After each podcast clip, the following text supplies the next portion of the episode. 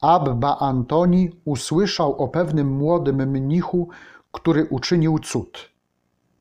Kiedy zobaczył na drodze idących z wielkim trudem starców, rozkazał dzikim osłom, aby przyszły i poniosły ich aż do Antoniego.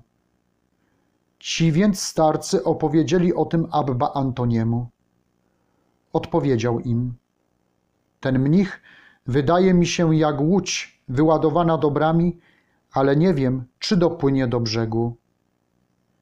I po jakimś czasie nagle Abba Antoni zaczął płakać i rwać włosy z głowy. Uczniowie go zapytali: Czemu płaczesz, Abba? Odrzekł starzec: Wielka kolumna kościoła dzisiaj upadła. A mówił to o młodym mnichu.